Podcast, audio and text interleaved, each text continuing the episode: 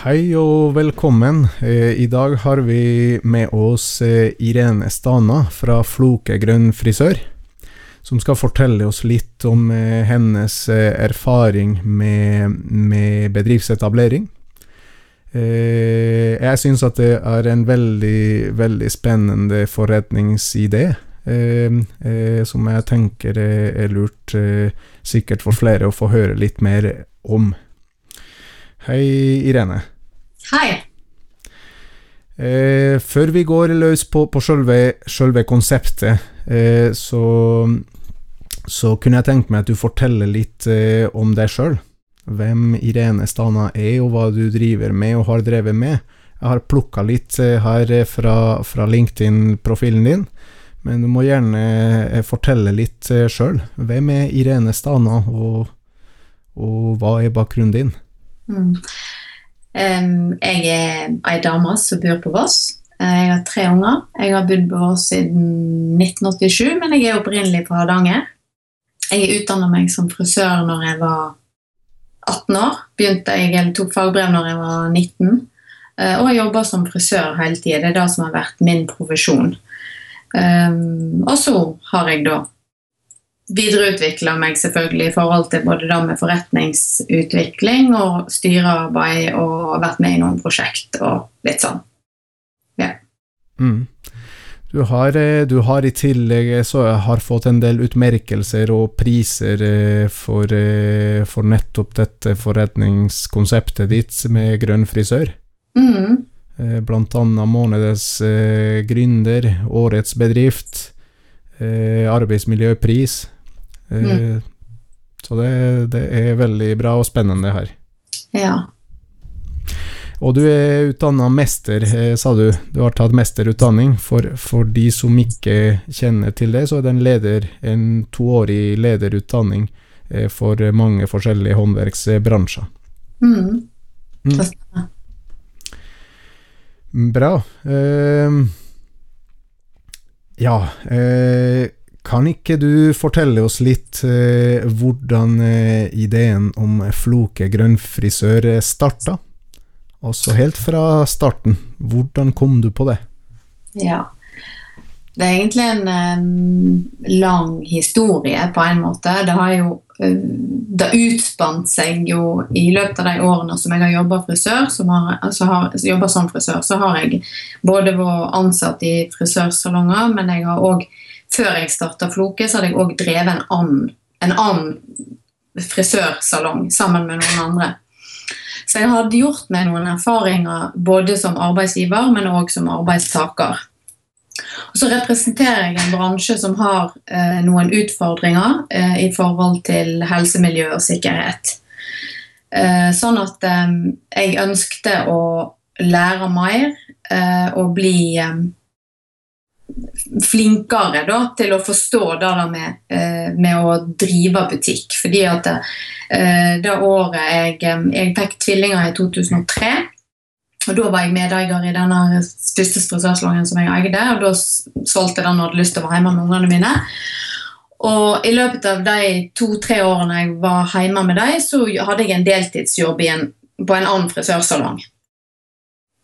Eh, og I den perioden så utvikler dette behovet seg for å øke egen kompetanse. Eh, selvsagt litt fordi at eh, jeg så at det var utfordringer, og hadde sett det lenge.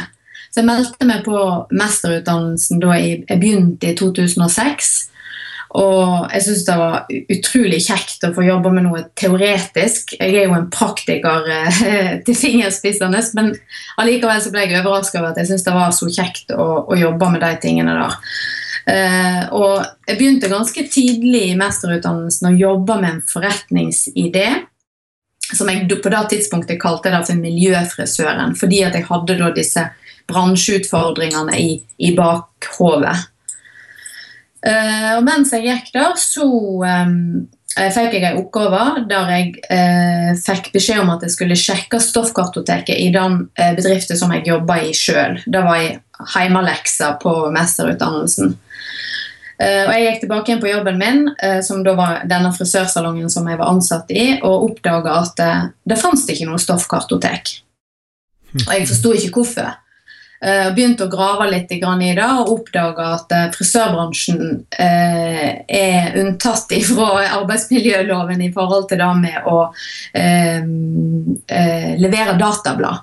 Sånn at det er ingen frisørsalonger i Norge i dag som har et oppdatert det vi kaller for et stoffkartotek. Dette synes jeg var veldig rart, og begynte å se både på kjemiske stoff og begynte å se på, på hvorfor er det sånn som det er. Det var egentlig da denne ideen begynte, fordi at jeg oppdaga at det fantes en frisørsalong i Danmark som hadde gjort akkurat dette som jeg har gjort nå i ettertid. Altså starta en frisørsalong eh, der eh, produktene var 100% fri for det vi kaller for farlige kjemiske stoff. Mm. Så der starta det på en måte eh, i mesterutdannelsen. Ja. Så det var utspringet for ideen, egentlig. Ja. Og eh, så, eh, som, som, du ser her, så skriver jeg at eh, i, i, boka mi skriver jeg at eh, en forretningsidé starter alltid med en idé og en person som brenner for den. Mm. Eh, kjenner du deg igjen her? Ja, jeg kjenner meg veldig igjen. altså Det gjør jeg. Og jeg, jeg har jo Altså, jeg ønsket å bli frisør fra jeg var to år gammel. Og eh, jeg, altså jeg, har, jeg har brent for, for frisørfaget eh, helt ifra jeg eh, fikk det fagbrevet. Og jeg har vært fortvila over den situasjonen som er i bransjen min, og har hatt et I løpet av de to årene jeg gikk på mesterutdannelsen, så, så opparbeidet jeg meg et helt sånn brennende eh, ønske og behov for å vise verden, som jeg kaller det, da, at det er fullt mulig å drive god butikk med en annen filosofi enn det som er tradisjonelt i min bransje. Riktig. Sånn som jeg oppfatter det, så, så, tenker jeg ideen din var nesten å ta samfunnsansvar. Eh, du skulle gjøre frisørsalongene litt mer eh, allergivennlig eh, og, og, rett og slett skånsom mot både, både kunder og, og medarbeidere. Ja. Og, og, du var opptatt av den ideen. Mm. Ja, I min for, første forretnings, forretningsplan så husker jeg at jeg skrev at all, jeg hadde jo, det var skulle, skulle ha fem målsettinger, og en av de fem målsettingene var å, å være den mest attraktive frisørsalongen i Voss og omegn for frisører. Så det er frisøren eh, og frisøren sitt, eh, si helse og ve og vel, både fysisk og psykososialt i forhold til det med arbeidsmiljø, som har vært min min grunnpilar i alt jeg egentlig har drevet med, og er det fortsatt. Riktig. Ja. Sånn som du forteller det, så tenker jeg at, eh, at eh, du bekrefter eh, dette her med at en, en forretningsidé starter med en idé. Mm. Sånn som du fikk den ideen når du leste om den frisørsalongen i Danmark og du var i din lederutdanning, mm. men også at du har et personlig engasjement. Ja, Det tror jeg er ganske vesentlig når en skal starte opp noe. For eh, det er såpass krevende å starte en bedrift og få, eh, til å få suksess at, mm. eh, at da at en brenner for det, tror jeg, tror jeg absolutt er et suksesskriterium. Mm. Bra. Eh, og hvis du skal forklare oss eh, hva Floke grønn frisør er i noen få ord? Tenker at jeg ikke er frisør og ikke kan noe fagspråk, så hvis du skal forklare meg enkelt hva, hva, hvordan kjenner jeg igjen Floke grønn frisør, og, og, skiller den eh, fra andre frisører? Ja, altså eh, eh, vi har jo en har jo, Floke har jo en visjon, da. Som det så på fint heter når du skal, når du skal skrive en forretningsplan. Så har vi en visjon. Men for oss så betyr, betyr visjonen noe. Og vår visjon er at vi skal bidra til en kjernesunn bransje og god helse for alle norske frisører. Riktig. Og hvordan får eh. dere det til helt konkret?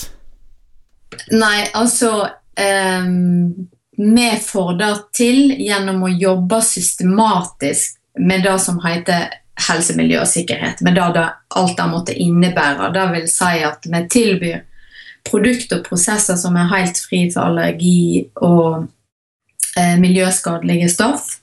Eh, salongen vår er tilrettelagt ergonomisk, sånn at det skal være minst mulig slitasje på, på, på kropp. Eh, lys eh, og luft er tilpassa i forhold til at en skal forebygge mest mulig i forhold til luftveiksplager og hodepine og disse tingene som er veldig vanlige i frisørbransjen.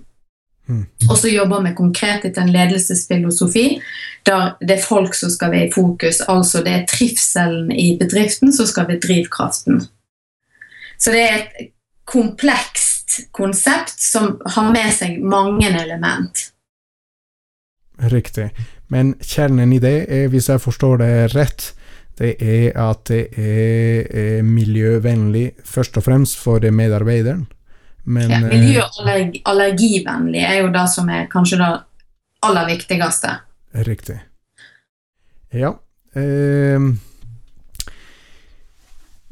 eh, det var på en måte litt konseptet og hvordan Mm. ideen oppsto. Men eh, sånn som jeg skriver i boka mi også, eh, så er dette her en, en lang prosess. Det med å, å komme seg fra en idé, det jeg kaller har en produktidé om noe man skal tilby, helt til man har faktisk etablert bedriften. Ja. Eh, litt sånn i studiet som du også tok, så, så snakker vi om at man må innom eh, to steg her, og, og en forretningsmodell, som er en, en kort versjon av en forretningsplan, og så utarbeide en mer fullstendig eh, forretningsplan. Men altså, uavhengig av de formalitetene og de skriftlige ting her, Mm. hvordan var prosessen eh, fra du hadde den ideen eh, eh, til du faktisk etablerte bedriften? Eh, hva var utfordringa? Hva, hva var suksesskriteriene? Hvor lang tid tok det før du faktisk hadde en etablert bedrift? Eh, hvor lang tid tok det før du var i lønnsom drift? Mm. Altså Jeg begynte jo som sagt på selve forretningsplanen eh, når jeg gikk på mesterutdannelsen. Og eh, i den, de to årene som jeg gikk der, så utarbeidet jeg det meste av den type dokumentasjon som en trenger for å gå i banken og, og, og, og låne penger. Altså budsjetter og markedsføringsplan og forretningsplan. Alle disse tingene som banken på en måte eh, krever, eller i hvert fall ser på som en stor fordel at du har tatt stilling til på forhånd. Da, da utarbeider jeg i løpet av de to årene. Og så er det jo klart at jeg, jeg begynte jo Jeg er jo utdanna frisør på tradisjonelt vis. Mens denne forretningsideen min krevde at jeg måtte lære meg kjemien eh, på ny. Fordi at eh, kjemien eh, med de produktene jeg bruker per i dag, er helt annerledes enn de produktene som jeg lærte om på skolen. Altså så alle frisører lærer om på skolen. Det er ikke noen som lærer det som jeg kan. Så da har jeg måttet ha lært meg sjøl. Så på sida av den der eh, dokumentasjonsdelen i forhold til forretningsplan og det greiene der, så var jeg jo nødt til å fysisk teste ut produkt og prosesser på en helt ny måte. Og jeg har ikke vært på kurs noen plass, for det fins ikke kurs noen plass. Jeg har måttet ha lært meg det sjøl. Så det var kanskje den største utfordringen til å begynne med, fordi at det, det fantes ikke noen som kunne hjelpe meg. Jeg var nødt til å sette meg inn i kjemien, og jeg var nødt til å sette meg inn i prosessene sjøl. Riktig. Det var på en måte å, å, å utvikle konseptet videre. Det Ja. var det du savna. Så, så på mange måter starta du noe nytt. Altså det man kaller innovasjon. Du, Ja, dette er jo noe helt nytt i min bransje. Mm. Uh, egentlig så er det da enda, for det er fortsatt uh, nesten ingen som kan det som vi driver med. Nettopp. Du sa også at uh, det var viktig med en forretningsplan rett og slett for å skaffe finansiering. Mm. Var det, kan, du si noen ord om den prosessen? Var det lett å, å få tak i kapital for å starte? Ja, altså det er, jo, det er jo jeg har ikke jeg har søkt om å få støtte fra andre plasser enn vanlig lån i bank, men, men, men da greide jeg ikke å få til på det tidspunktet. Det gjorde jeg ikke, men, eh, men eh, når jeg gikk i banken, så var det ikke noe problem å få de pengene som jeg spurte etter, men det er jeg helt overbevist om grunnen til det var fordi at jeg hadde en så gjennomarbeidet forretningsplan. Da fikk jeg tilbakemelding fra, fra deg om at, eh, at eh, de så at dette var en gjennomtenkt og gjennomarbeidet idé. Så det tenker jeg òg er et suksesskriterium. Riktig. Ja, for det er ofte litt sånn at eh, kapital er det som stopper opp mange gode ideer. Mm. Eh, om vi liker det eller ei, så, så må man ha en viss eh, sum med penger for å starte en bedrift, uansett hvor lite eh, konsept man har tenkt på. Ja, og den, den dag, når jeg starta opp, da var det jo Måtte du ha egenkapital på 100 000 for å starte et aksjeselskap. Mm.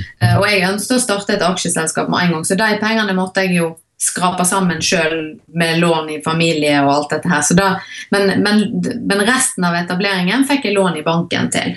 Ja. Bra. Og du sa at eh, selve forretningsplanen at den var gjennomtenkt, realistisk, og, det, det var en suksesskriterium for å få tak i den kapitalen. Ja, dem, de, de, jeg tror ikke det, det var så enkelt som det var. Jeg hadde i hvert fall måttet streve mer hvis det ikke var såpass gjennomtenkt som det var på det tidspunktet.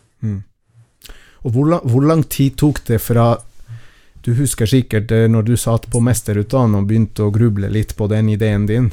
Eh, Mm. Hvor lang tid gikk det fra du hadde den ideen til du hadde en eh, frisørsalong i, i drift? Mm, Det gikk ca. to år. Cirka to år. Mm. Mm. Det som faktisk var min største utfordring sånn rent praktisk sett, var å få tak i et lokale. Fordi at jeg hadde ikke noe, jeg hadde ikke noen kontakter. Sant? Altså jeg, jeg var bare en vanlig frisør som ikke hadde, jeg hadde ikke noen kontakter inn i eiendomsmarkedet på, på Voss og sånne ting. Sant? Så jeg var liksom nødt til å, å jobbe veldig for å få tak i et uh, attraktivt lokale. Da. Og det var, da, det var da den prosessen faktisk jeg brukte lengst tid på. Og den brukte jeg kanskje et halvt år på ifra jeg begynte å snakke med folk, til jeg hadde flytta inn i lokalet. Det er, ikke, det er ikke så, kanskje ikke så lang tid, da, men, men, eh, men det var kanskje det som stoppa meg mest ifra å gjennomføre det på et tidligere tidspunkt. Riktig. Ja. Nei, men to år er i utgangspunktet lite. Det er mange, mange bedriftsetableringer som bruker enda lengre tid. Mm. Så, så sånn sett, eh, ja, som du sier, så, så var det egentlig ikke så lang tid. Men eh, fortsatt to år. eh, en, eh, hvor lang tid tok det før du føler at du var i lønnsom drift? For en ting er jo å starte, men en annen ting er å tjene penger. Mm. Eh, Akkurat den eh, etableringen da gikk, gikk det ikke så lang tid, for det var en kjempesuksess fra dag én. Så eh, vi starta jo opp i, i september, og vi gikk med ganske bra overskudd etter første driftsår. Altså Vi starta i september i 2008, og ved utgangen av 2009 så, så gikk vi med ganske bra pluss. Nettopp. Hva, hva tror du var årsaken til det? For det er langt ifra alle bedriftsetableringer som, som eh, lykkes med å, å, å slutte første driftsåret med pluss. Ja, altså eh, Frisørbransjen er jo litt spesiell da, i forhold til at eh, han er veldig per personbasert. Uh, og Jeg hadde jo jobba på, på Voss som frisør i andre frisørsalonger i, i mange mange år før jeg starta, så jeg hadde jo en kundeportefølje etter meg eh, som jeg tok med meg inn i den nye bedriften. Eh, og jeg hadde òg to an andre an som jeg ansatte som var med meg, som hadde det samme. Så kundegrunnlaget vårt var på en måte allerede til stede når vi starta. Og det er jo litt uvanlig i en, i en startfase. sant? Men så fikk vi jo en utfordring da i forhold til at det, vi hadde et konsept som var helt nytt for dem. Så det tok jo litt tid før de forsto det. Så det er jo ikke før det har tatt noen år egentlig før vi nå ser at nå kommer kundene til oss like mye pga. konseptet som de er eh, basert på at det er en god frisør. Da. Det blir jo en kombinasjon. Riktig. Eh, Du sier eh, litt om eh, som, noe som kan Som jeg oppfatter som suksesskriteriet. Du sa at, du, at dere hadde med dere, eller du hadde med deg en kundeportefølje. Mm. Sånn I mer generell forstand så tenker jeg det handler om nettverk. Mm. Eh, og, og det er også litt eh, en av de vanlige suksesskriteriene for enhver bedriftsetablering. Altså Mm. det, det heter seg at eh, det er ikke nødvendigvis eh, alltid de beste forretningsideene som lykkes, men de som har de rette folka bak, som lykkes. Eh, så blant annet eh, gjennom nettverk Mm. og kompetanse. Ja, klart det. Mm. Eh, bra. Eh, og hvor er Floke grønn frisør i dag, eh, og, og, og, hvor er den på vei til? Altså hvor eh, for, nå, nå, har du fortalt om ideen din, og at du faktisk etablerte en frisørsalong med mm. det konseptet. Mm. Eh, hva har skjedd siden da? Mm. Ja, altså Eh, på bakgrunn av at jeg hadde så stor suksess da helt i forbindelsen av, så, og dette her er, var nytt i frisørbransjen generelt, å drive på den måten som jeg gjorde, så oppsto tanken om å bygge en, en kjede allerede i 2010, slutten av 2010, så da hadde jeg bare drevet i to år. Så da kom jeg på en måte i gang med en ny type forretningsidé som jeg måtte videreutvikle i forhold til å lage en forretningsmodell på det òg. Eh, så da begynte egentlig reise nummer to for min del. Eh, så eh, ifra jeg begynte å tenke den tanken til jeg hadde starta butikk nummer to, som da ligger i Bergen sentrum, så gikk det to nye år. Så jeg starta butikk nummer to i desember i 2012. Mm. Uh, og den etableringen, den, den var en slags uh, ytterligere konseptetablering, der jeg tok med alle elementene som jeg hadde hatt fra den tidligere etableringen, fordi at jeg ønsket at det skulle bli kopierbart. Fordi at um, den nye forretningsmodellen er franchisebasert. Uh, for å bygge en kjede så, ha, så har jeg um, tenkt at jeg skal uh, bygge den basert på at jeg låner vekk konseptet mitt til andre frisører. Så per i dag så Nå åpner jeg butikk nummer åtte i Oslo nå i, i begynnelsen av mai. Uh, og målet er selvfølgelig å komme mye lenger enn det. Altså, jeg ønsker jo å bli en landsdekkende kjede. og jeg ønsker jo, altså Hvis jeg skal greie å uh, skape en bedre helse for alle norske frisører, eh, så må jeg være i hver en krok. sånn at jeg er ikke på langt nær i nærheten av målet mitt ennå. Nei. Men det høres ut som dette her har vokst allerede veldig mye, og du er inne nå eh, på en, ny forretningsmodell basert på franchise, mm. eh, hvor det er allerede etablert eh, hvor, hvor, mange salonger totalt? Nei, Nå er jeg åtte, da, men det er fem som er franchisebasert, og så eier jeg tre sjøl. Så det er jo to forskjellige forretningsmodeller, da.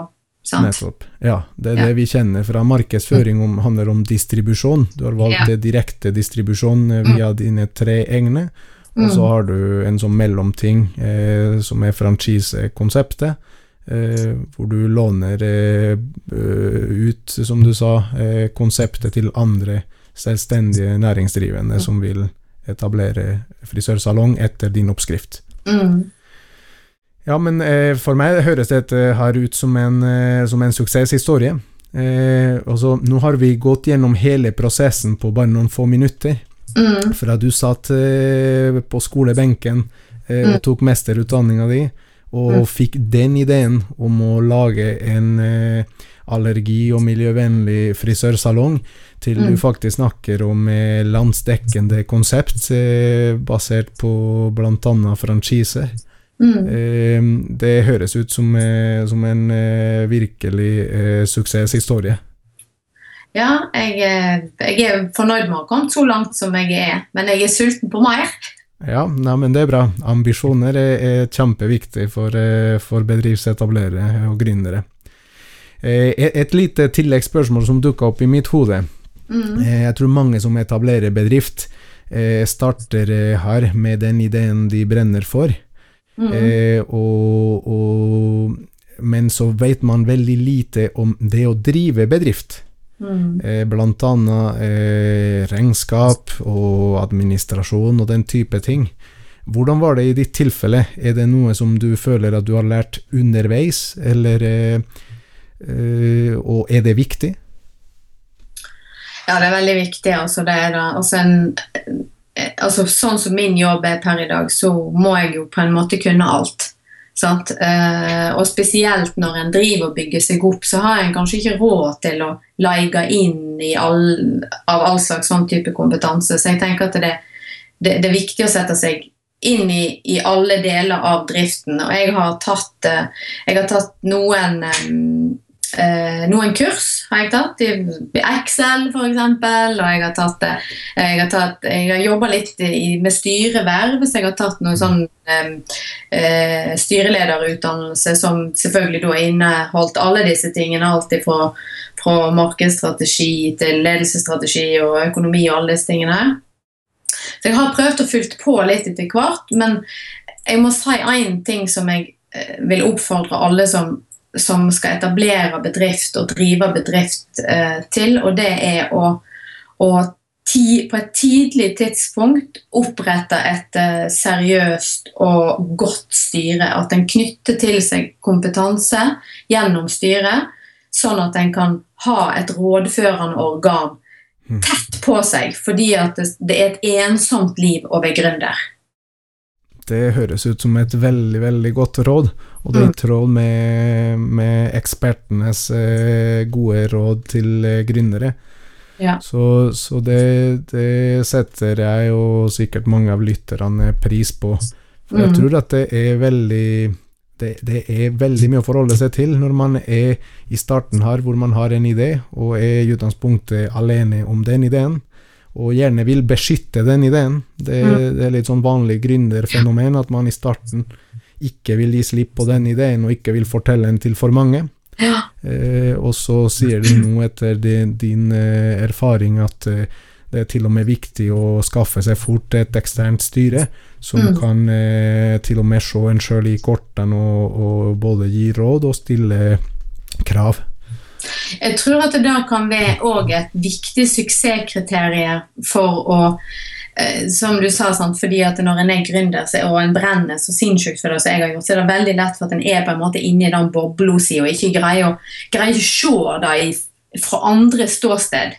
Mm. Um, og da kan et styre absolutt hjelpe til med å ja, både ved et, eh, et um, rådførende organ, men òg en diskusjon, dis, diskusjonspartner i forhold til de forskjellige problemstillingene som, som, som dukker opp. Og når en får tilsette spesielt, så, så, er det jo det er jo ikke tvil om at det å ha personalansvar og være i, i, vekst er jo, er jo krevende. Mm. Og en har et ansvar for de som en har rundt seg. Og da tenker jeg at eh, en må ikke være en, en, må være så ydmyk at en ser at en, at en har begrensninger sjøl, og at en, at en, tar til seg andre eh, sin både kompetanse og råd. Hmm.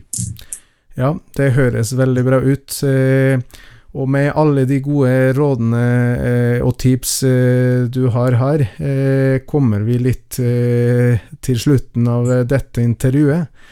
Ehm, eh, jeg ønsker å, å takke deg, eh, Irene, for at du tok deg tida og er med oss eh, fra Skype. Ja, det var bare hyggelig. Jeg tror at konseptet ditt er ikke bare en forretningsidé, jeg tror det er litt det man kaller sosialt entreprenørskap. Du løser et samfunnsproblem, i tillegg til at du skaper en lønnsom og bærekraftig drift. Mm. Så jeg ønsker deg lykke til videre med dine planer om land, landsomfattende konsept. Jo, takk. Eh, og håper at du når det målet. Ja. Tusen takk. Takk for meg.